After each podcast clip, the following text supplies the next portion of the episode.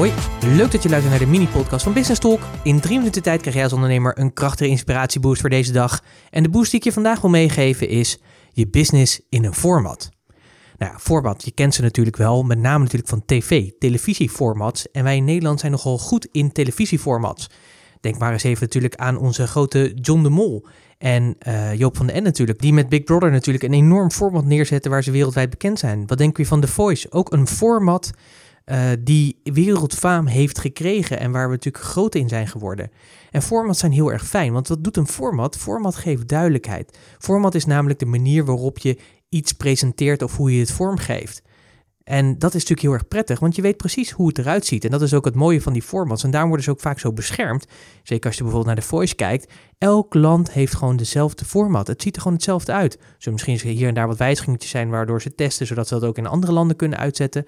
Maar die formats die zijn gewoon heel erg duidelijk. En geven gewoon richting, waardoor het overal herkenbaar is. Hè, McDonald's is bijvoorbeeld ook zo'n format. Het maakt eigenlijk niet uit waar je bent. Als je in de middel op niks bent, ergens in Oeganda en er is een McDonald's, denk je, oh fijn, ik weet wat ik hier aan heb, omdat het format heel erg duidelijk is. De kwaliteit is heel erg duidelijk, het is heel erg simpel. En ik denk dat het ook heel erg goed is om op die manier ook eens naar je bedrijf te kijken. Hoe heb jij je bedrijf georganiseerd in een format? Wat voor formats gebruik je eigenlijk binnen je bedrijf? Kijk daar eens eventjes naar, want je kunt namelijk natuurlijk formats op heel veel verschillende manieren gebruiken.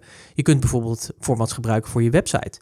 Wat voor thema's of formats komen terug, waardoor de herkenbaarheid van jou aanwezig is. dat kan zijn zeg maar, doordat je elke week een blog doet en die blog zeg maar, op een bepaalde manier presenteert. Het kan zijn zoals ik elke week een podcast maak, een langere, en elke dag een podcast maak, een mini-podcast. Het zijn allemaal formats. Hè. Een format heeft natuurlijk ook een bepaalde opbouw. Dat doe ik natuurlijk ook met, dit, met deze podcast.